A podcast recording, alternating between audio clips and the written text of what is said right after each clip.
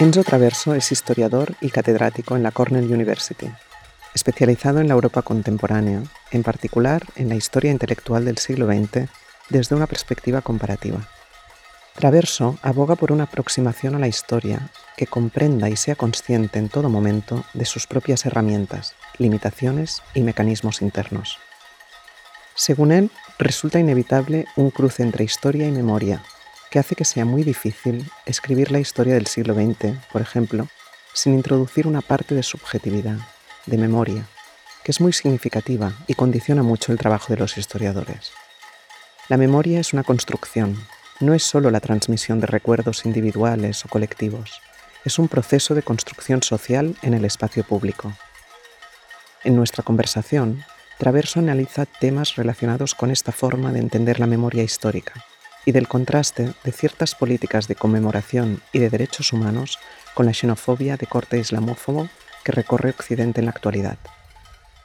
Sunía habla con Enzo Traverso de posfascismo y el vaciado de lo político, la transformación del antisemitismo, políticas de la memoria, el eclipse de las utopías y de otros efectos colaterales del neoliberalismo de principios del siglo XXI.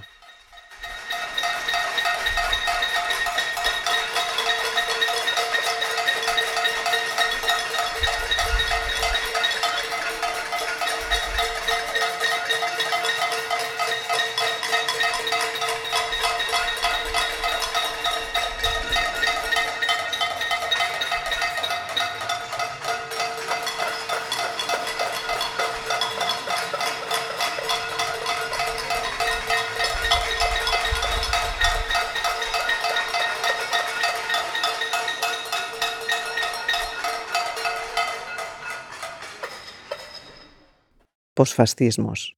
Apuntes sobre la emergencia de la derecha xenófoba y radical en democracia. La raíz de todos eh, estos movimientos eh, no se trata solamente de la reactivación de una corriente histórica, de un fascismo latente o inconscio que de repente se revitaliza y emerge. Hay también eso, pero no creo que eso sea la explicación del fenómeno.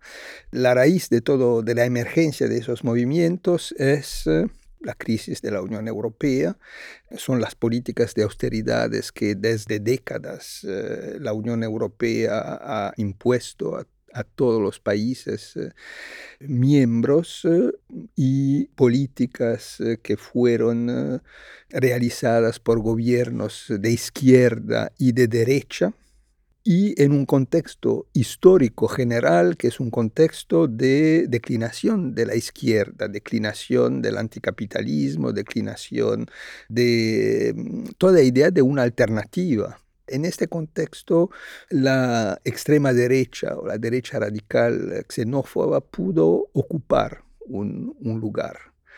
Y hay que tomar en cuenta sus rasgos generales. Es algo nuevo.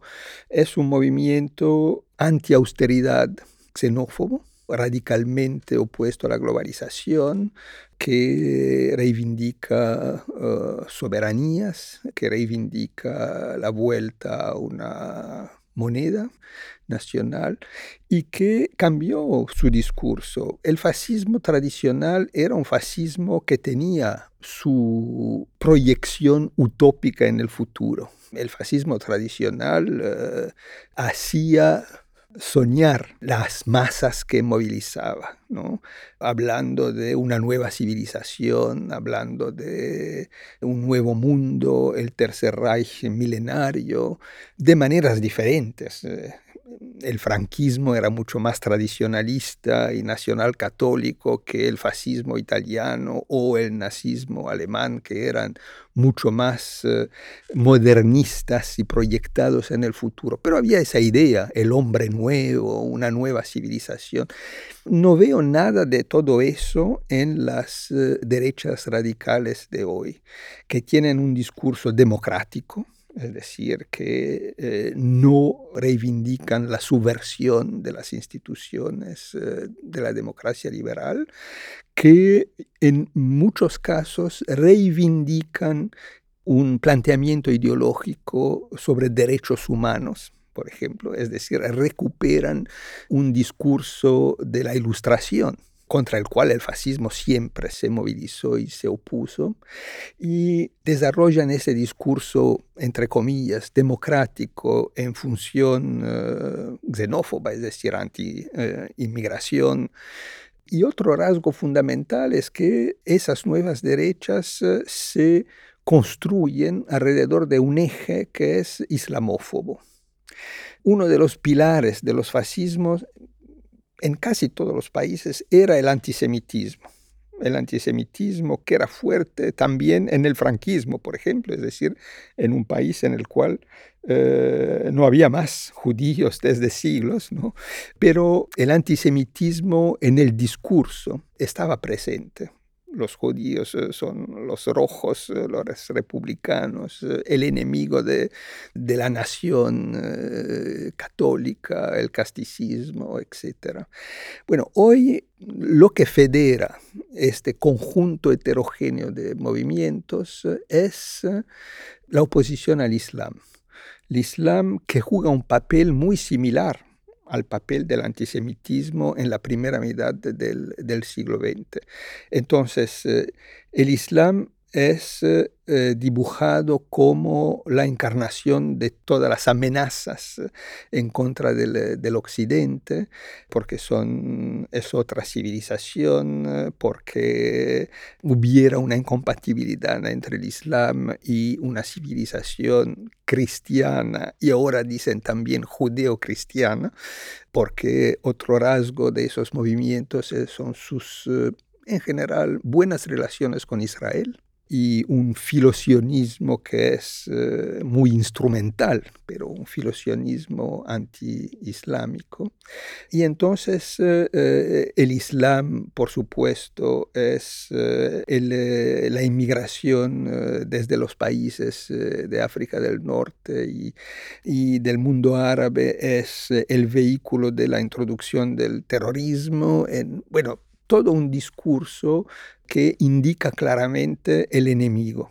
Y yo creo que eso es algo uh, muy viejo, la política del chivo expiatorio, la búsqueda de, del enemigo contra el cual eh, movilizar todas eh, las insatisfacciones eh, presentes en la sociedad y enfrente de esa política todos los partidos de gobierno de izquierda como de derecha, centro izquierda, los herederos de la socialdemocracia y los partidos liberales o cristianos demócratas eh, tuvieron posiciones, eh, digamos, eh, de complacencia. En final, se comprende que no hay una discrepancia radical, porque en todos los países la emergencia de, esos nuevos, nuevos movimientos fue empujadas por eh, las políticas de la Unión Europea.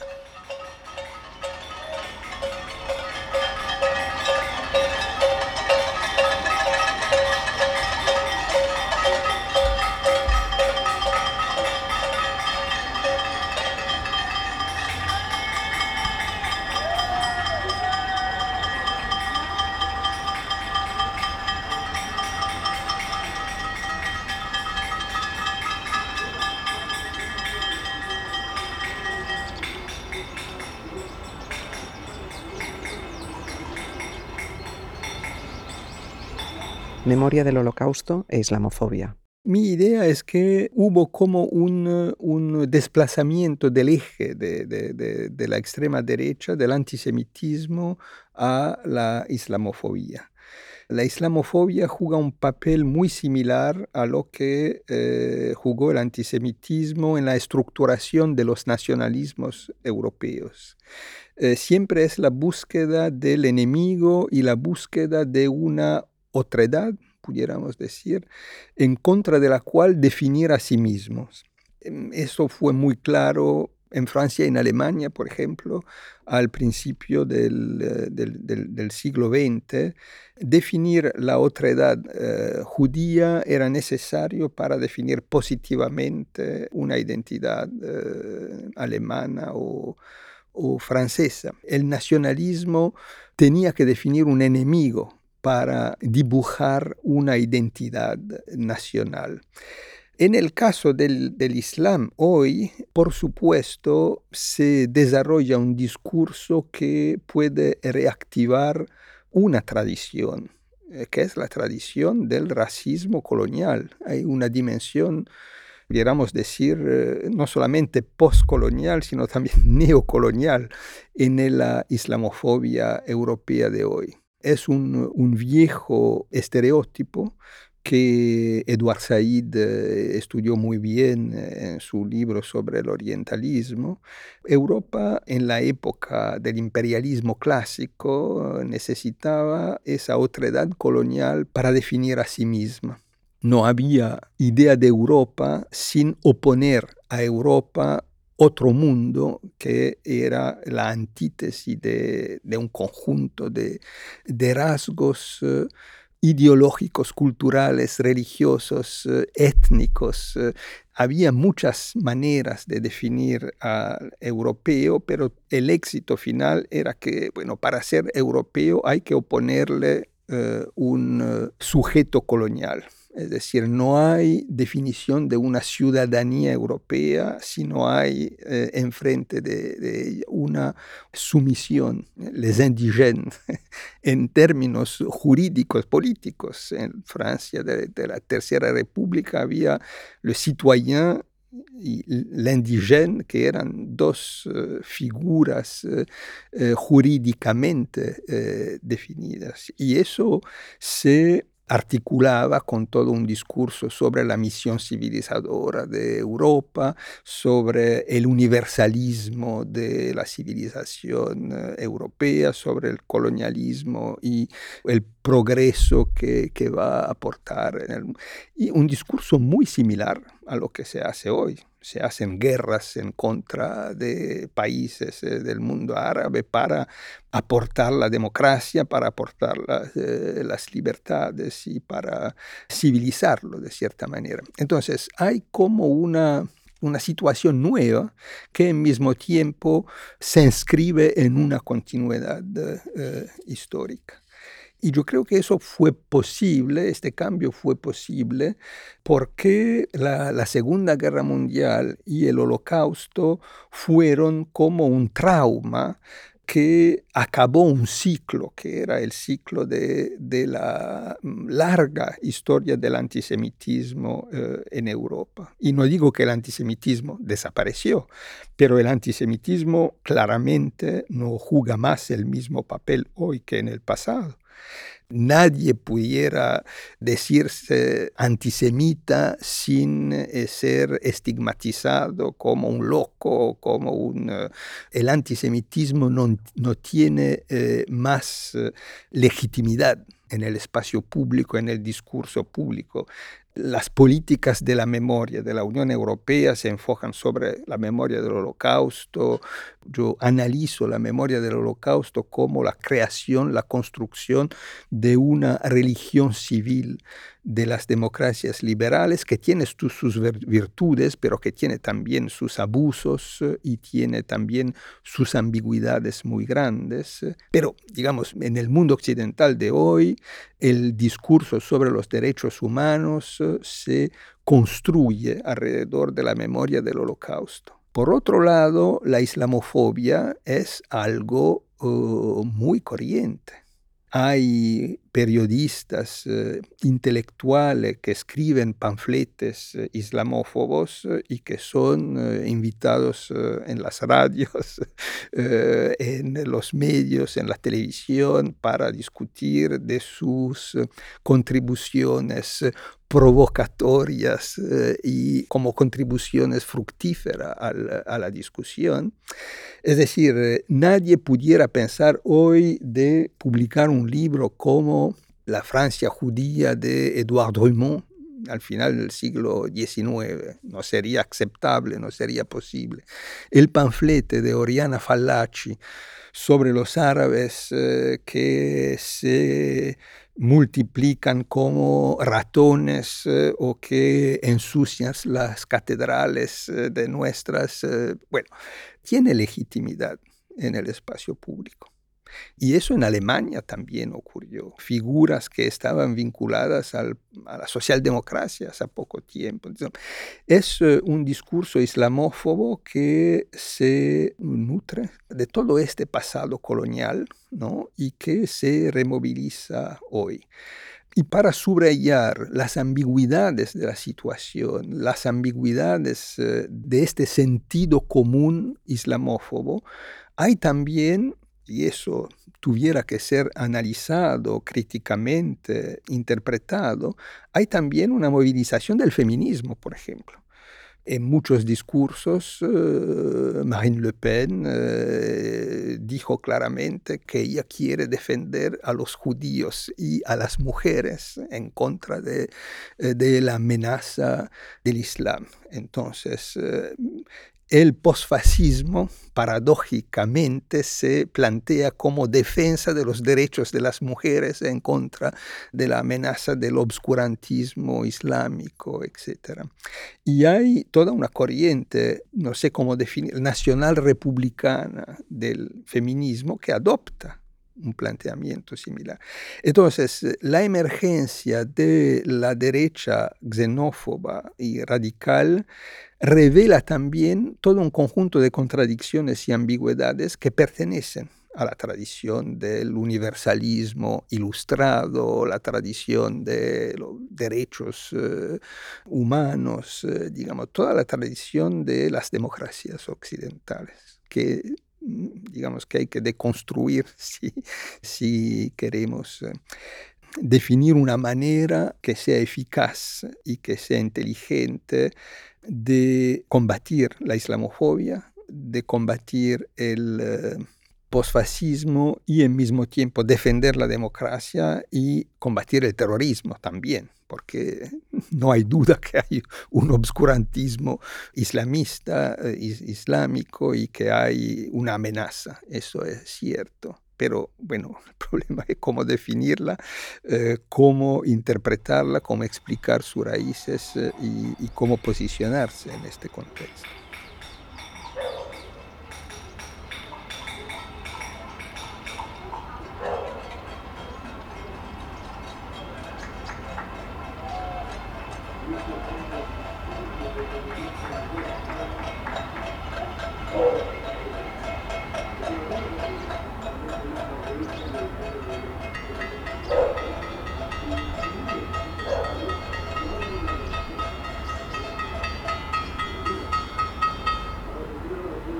Fenómeno Daesh. Daesh es eh, el producto de las guerras occidentales eh, que desde el final del siglo XX, es decir, desde el principio de la década de los 90, eh, Estados Unidos y sus aliados europeos hacen eh, en esa parte del mundo es un producto del fracaso de las revoluciones eh, y el fracaso de, este proceso de revolución permanente que empezó en Tunisia, se desplegó en, en Egipto, Yemen y Libia, Siria y fue rompido por la intervención occidental en, en Libia, digamos que Daesh es el producto de, toda de todo eso, pero mucho más también. Daesh es también el producto de una derrota, que es la derrota de las opciones de la izquierda en el sentido lo más amplio de la palabra del siglo XX. Es eh, la derrota de una cierta idea de socialismo, es decir, la oposición a eh, las dictaduras militares en el mundo árabe no fue y las revoluciones árabes lo mostraron, no fue encabezado o involucrado por movimientos socialistas, comunistas eh, de izquierda. Entonces la derrota de la izquierda, la derrota del panarabismo también, porque no eran revoluciones panárabes, es decir, todos los modelos del pasado fracasaron. Y entonces eh, eran revoluciones eh, prisioneras de este mundo cerrado en el presente en el cual estamos hoy. Eran revoluciones eh, incapaces de proyectarse en el futuro. Esta falta de horizonte utópico es el rasgo dominante de nuestro tiempo. Por ejemplo, uno de los eh, eh, lugares comunes es eh, Daesh, el enemigo de la democracia y de la libertad, y hay toda, particularmente en Estados Unidos, en el mundo anglosajón, hay toda una literatura sobre una revitalización, una renovación de toda la literatura sobre el totalitarismo. Daesh y el terrorismo islámico sería la cara contemporánea del totalitarismo, entonces el equivalente de lo que, de lo que fueron el fascismo, el nazismo y, y el comunismo en el pasado. Y eso, es, por un lado, es una banalidad. Decir que Daesh es antidemocrático es la evidencia que nadie pudiera, pudiera negar. Por otro lado, hay que reflexionar un poco sobre esas comparaciones entre fascismo y Daesh. El fascismo, sí, nació en contra de la democracia. El fascismo destruyó uh, en Alemania la República de Weimar, en Italia el Estado liberal que ya se eh, empezó a democratizarse eh, al principio del siglo XX, en España destruyó la República y bueno, eso es el fascismo. No hay fascismo sin destrucción de la democracia. En el mundo árabe la democracia nunca existió. Es decir, no, no, no, no son movimientos que destruyen regímenes democráticos. Son movimientos que se eh, alimentan de una falta crónica y estructural de democracia. Un rasgo de los fascismos era su imperialismo el nazismo tenía la obsesión de la conquista del espacio vital y el espacio vital como Alemania perdió sus colonias después de la Gran Guerra, el espacio vital se ubicaba en Europa del Este. Italia tenía este mito de, de los espacios y la construcción de un Mediterráneo fascista. El franquismo movilizó la idea del siglo de oro y del pasado imperial de España. Digamos, el imperialismo era un rasgo. Lo que caracteriza el terrorismo islámico es su oposición al imperialismo. El terrorismo islámico se presenta como la manera la más eficaz de luchar en contra de una ocupación neocolonial del mundo árabe. Y eso explica su muy problemática y contradictoria, pero uh, su influencia, es decir, y la atracción que puede tener en Europa occidental en capas de las sociedades europeas de jóvenes eh, de origen, como digamos, postcolonial, como se dice en Francia con este terrible neologismo uh, issu de la inmigración, surgidos de la inmigración. Entre esas capas de jóvenes que son víctimas del racismo y de una opresión en Europa, el islamismo radical es una ilusión y es eh, un malentendido total, pero digamos, eh, no puedo explicar de otra manera la influencia y la atracción que el islamismo radical puede tener en esas capas, en esos medios. Y eso eh, se explica también por las faltas de la izquierda en Europa la izquierda y de la izquierda radical también, que fue muy anticolonialista, muy antiimperialista, eh, que tenía un discurso muy, eh, muy radical eh, y internacionalista en la época de la guerra de Vietnam, en Francia en la época de la guerra de Argelia, pero que siempre fue incapaz de establecer raíces en esa capa de la sociedad, que es una componente muy grande de las sociedades europeas.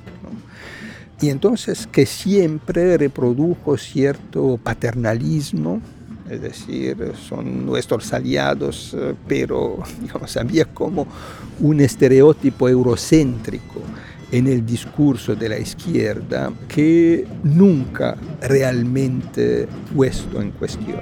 Y ahora se paga el precio de todo, de todo eso.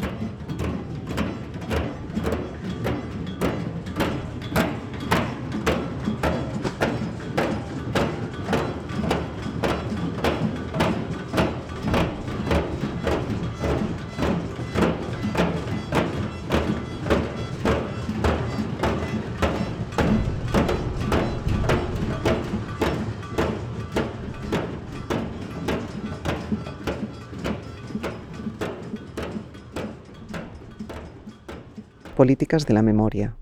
No hay una transmisión de experiencias, de cultura y de memoria del pasado que se hace naturalmente de una generación a otra.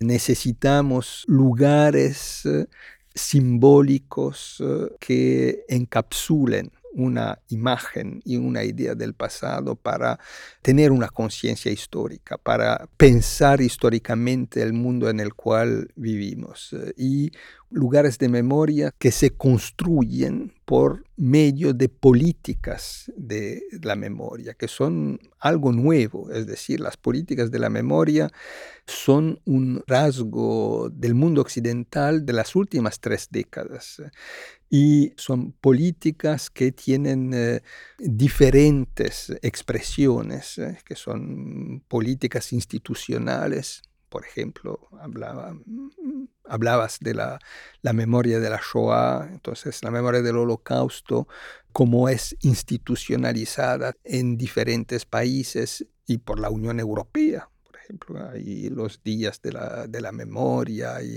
hay políticas institucionales con creaciones de museos, eh, políticas educativas, eh, etc. Políticas de la memoria que tienen también una dimensión jurídica hay un conjunto de leyes que estructuran una manera de pensar el pasado y que permiten o reprimen ciertas definiciones eh, del, pasado. Entonces, una visión normativa del pasado. Hay políticas de la memoria que son vehiculadas por los medios de comunicación y la industria cultural para hablar con Adorno y eso esa es una tendencia muy, muy fuerte. Y en un mundo sin utopías, eh, las políticas de la memoria se hacen aún más grandes. Y esas políticas de la memoria tienden a dibujar una cierta imagen del pasado que es eh, conforme a algunas opciones políticas eh, dominantes en el presente.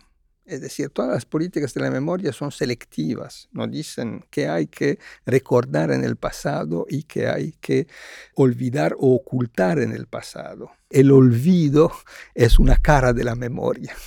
El olvido eh, puede volverse en reactivación de la memoria, en anamnesis, eh, la amnesia que se vuelve en anamnesis.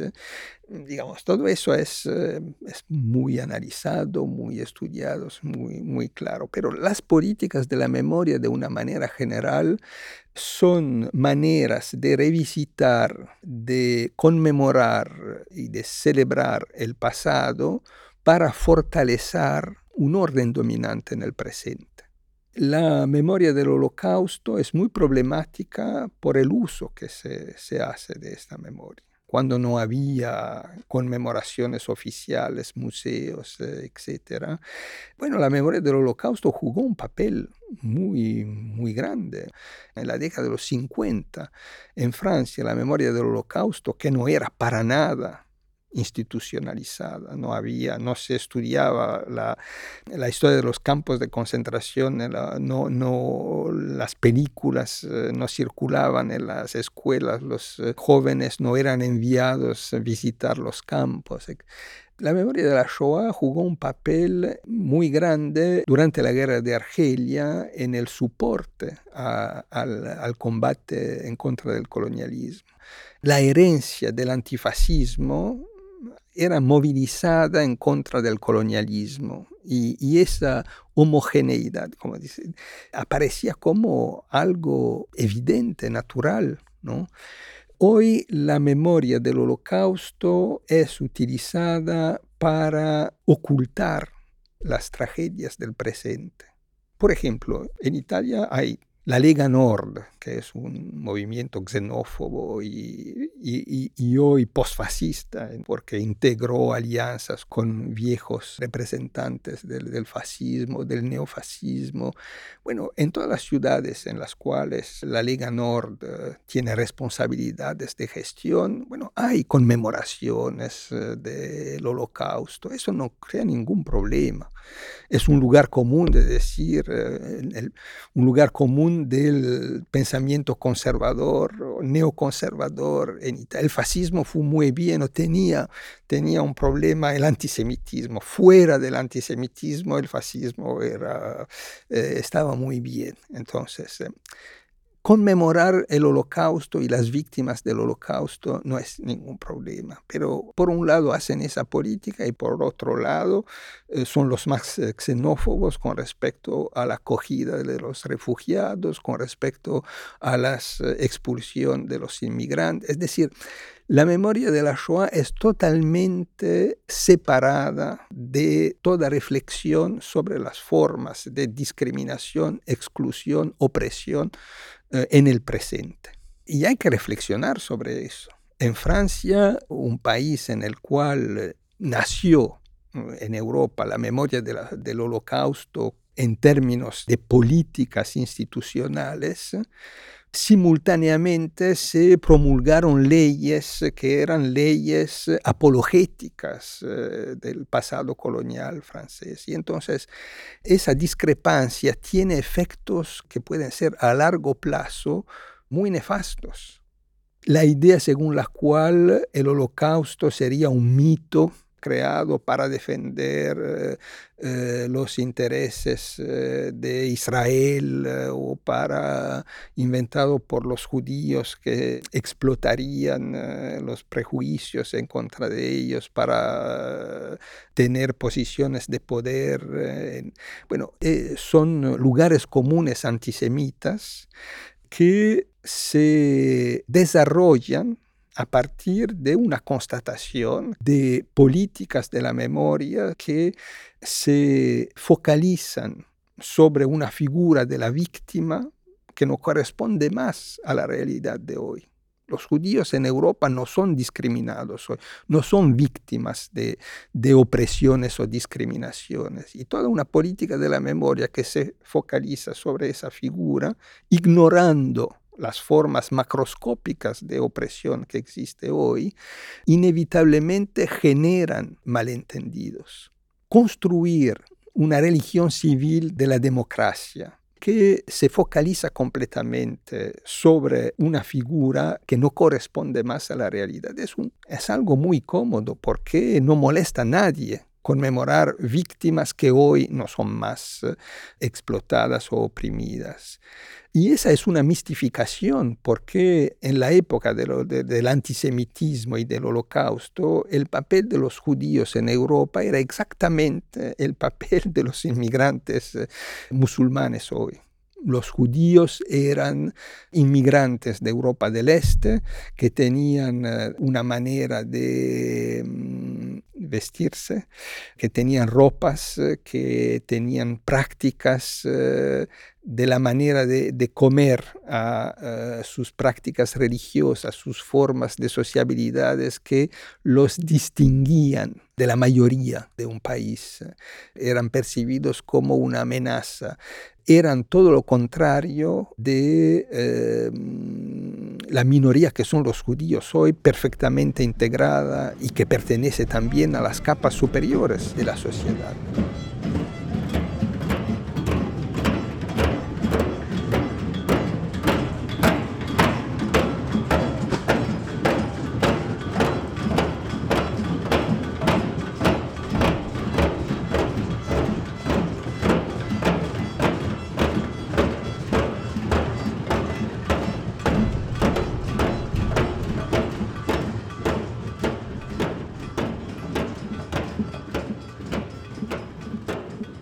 El neoliberalismo no fue planeado.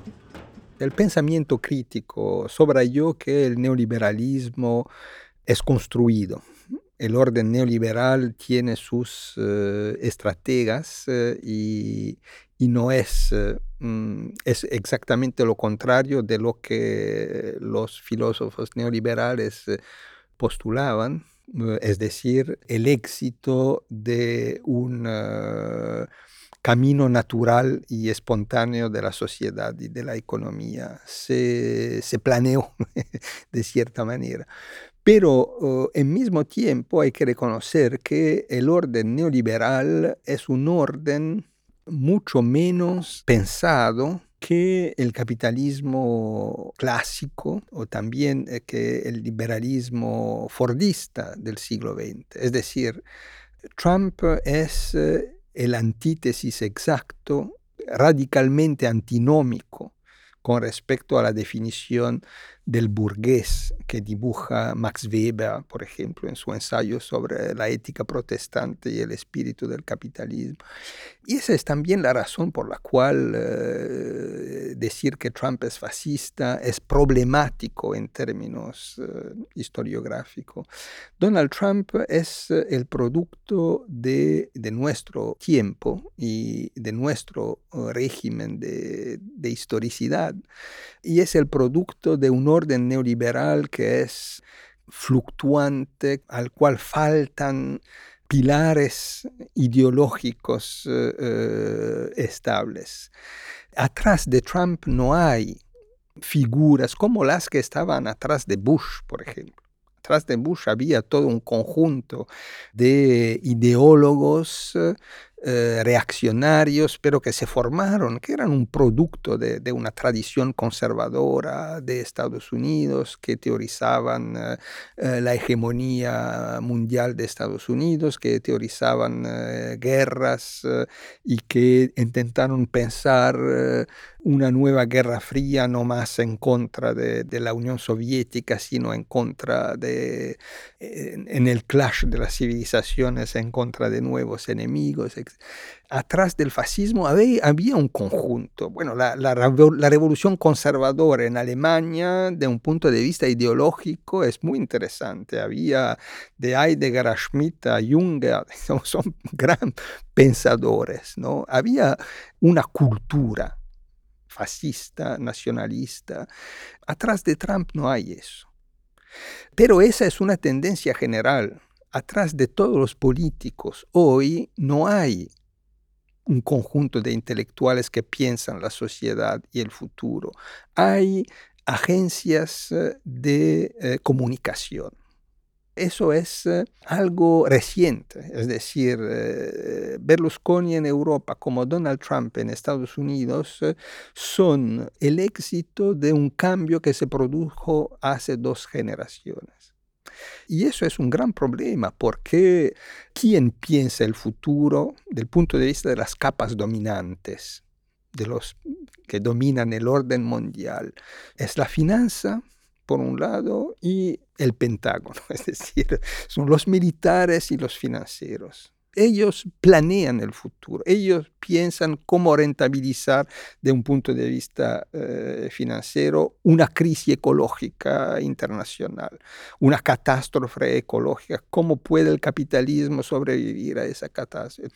Los militares también tienen una, una reflexión estratégica, los políticos no, y eso es un gran problema yo creo. Y Trump es eh, la expresión de esa falta de inteligibilidad del mundo y de esa falta de capacidad de, proyecto y de, gestión por las élites dominantes.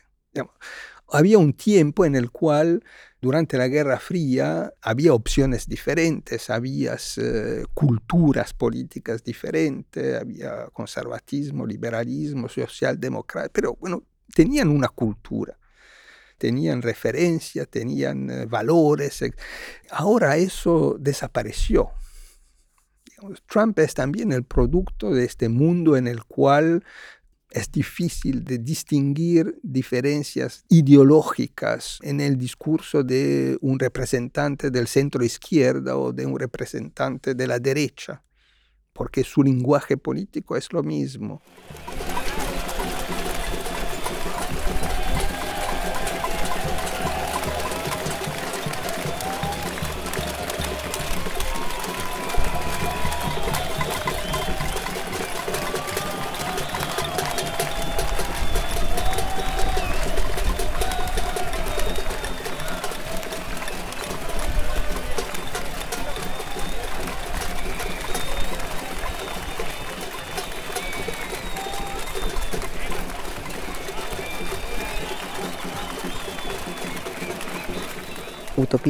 Y futuros catastróficos en el siglo XXI o la pulverización de la sociedad.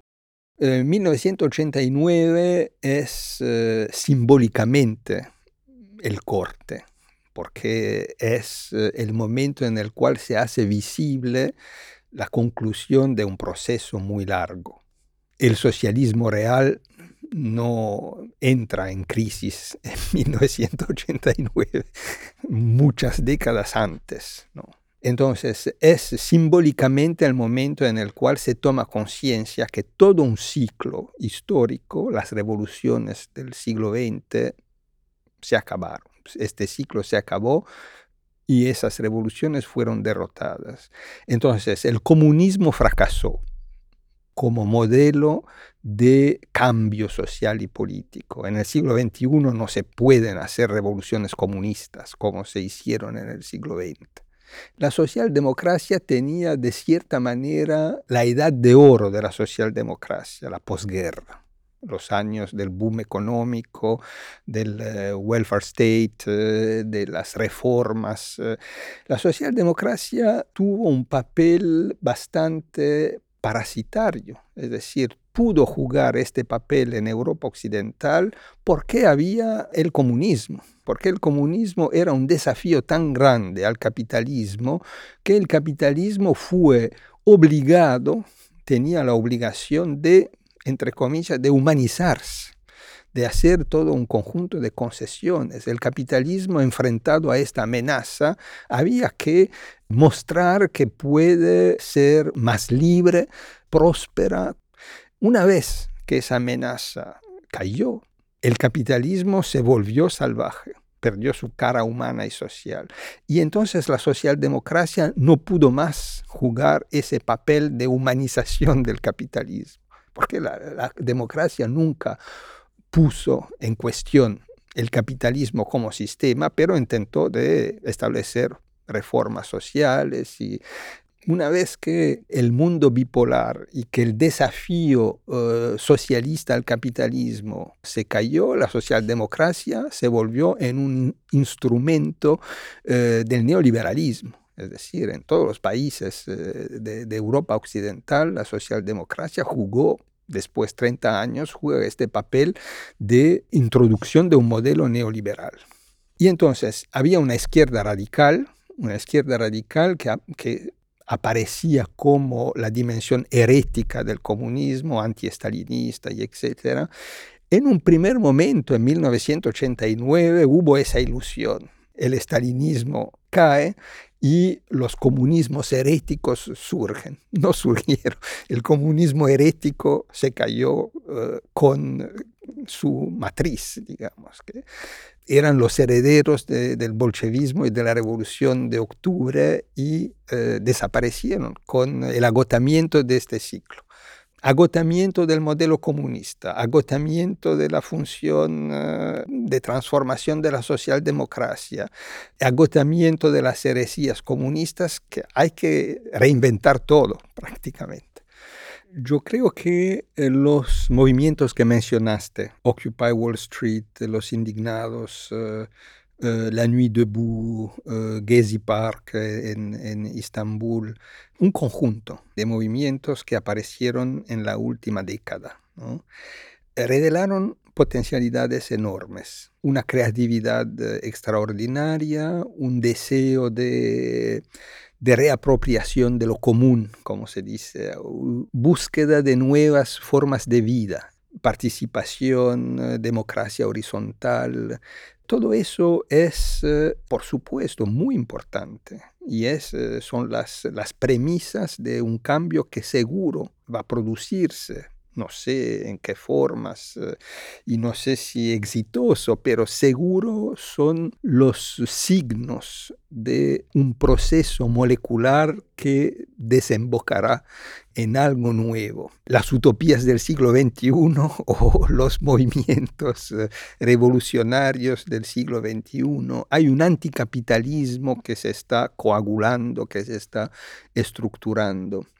Pero hasta ahora me parece que todos esos movimientos eh, fueron prisioneros de este horizonte cerrado del siglo XXI, que yo llamo con otros eh, historiadores en particular, porque es una noción forjada en la historiografía, el presentismo, es decir, un régimen de temporalidad encerrado en el presente, un presente comprimido, esa incapacidad de proyectarse en el futuro y de pensar el futuro de otra manera que no sea un futuro catastrófico. Y esa es una discrepancia fundamental con respecto al siglo pasado. En el siglo pasado había esa capacidad de proyectarse en el futuro. 68 fue esa, la idea de la revolución era en el aire, circulaba. Ahora no. Y yo creo que España hoy es el laboratorio de la izquierda en Europa. Y es muy interesante lo que ocurre acá, porque es el único país en el cual esos movimientos sociales producieron nuevas formas políticas, ¿no? con muchos problemas. No se trata de idealizar a Podemos, eh, que tiene enormes problemas, pero digamos que Podemos eh, nació de eso y es un tentativo de pensar una alternativa en el siglo XX, nuevas formas de organización, nuevas formas de, acción eh, política, de articulación, representación, movimientos, etc.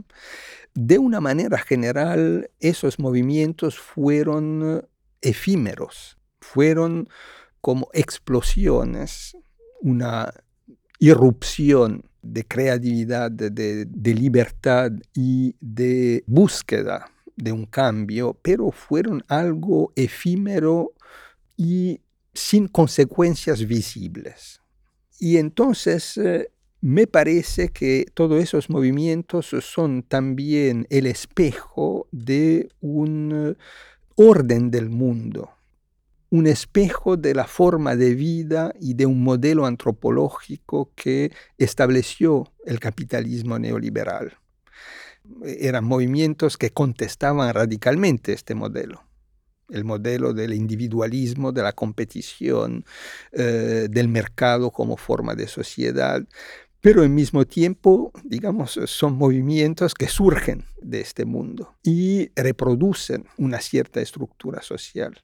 Es decir, movimientos de jóvenes hoy no pueden estructurarse y funcionar como los movimientos eh, del proletariado en el sentido marxista de la palabra, la clase obrera industrial que fue el motor de los movimientos sociales de cambio en el siglo XX. Estamos en una etapa post-fordista del, capitalismo y hay que pensar maneras de organización, movilización, estructuración que correspondan a esa estructura social. No es más la época de la cultura de masa eh, eh, del capitalismo fordista. Y entonces eso es un gran problema porque la pulverización de la, sociedad no facilita la organización de, de movimientos estructurados y estables. En el pasado, las revoluciones del siglo XX, todos los movimientos que participaban de esos eh, cambios, de esos procesos históricos, digamos, se inscribían en una continuidad durante la Segunda Guerra Mundial hay un momento en el cual todo parece perdido y en, aquel momento hay grupos que empiezan a organizarse. Y lo que explican Primo Levi y Jean Améry eh, en sus eh, textos autobiográficos sobre los campos de exterminio. En los campos de exterminio hay formas de resistencias que se organizan por eh, activistas políticos que eh, tienen la certidumbre que van a ser matados eh, y al mismo tiempo ellos tienen esa conciencia muy fuerte de pertenecer a movimientos que trascenden su propio destino individual. El comunismo es algo que sobrepasa mi vida pequeña. Y entonces eh, lo que yo hago puede inscribirse en esta con muchas ilusiones, la idea de marchar en el eh, sentido de la historia, la idea de una visión teleológica de la historia, esa es la ilusión del socialismo y del comunismo en el siglo XX, pero también esa idea de pertenecer a un movimiento histórico es una fuerza extraordinaria y no veo nada de comparable en los movimientos eh, de hoy que sean las revoluciones árabes, que sean los movimientos como Occupy Wall Street o, o, como los indignados. Es decir, hay una falta de capacidad de proyectarse en el futuro y de inscribirse en la historia.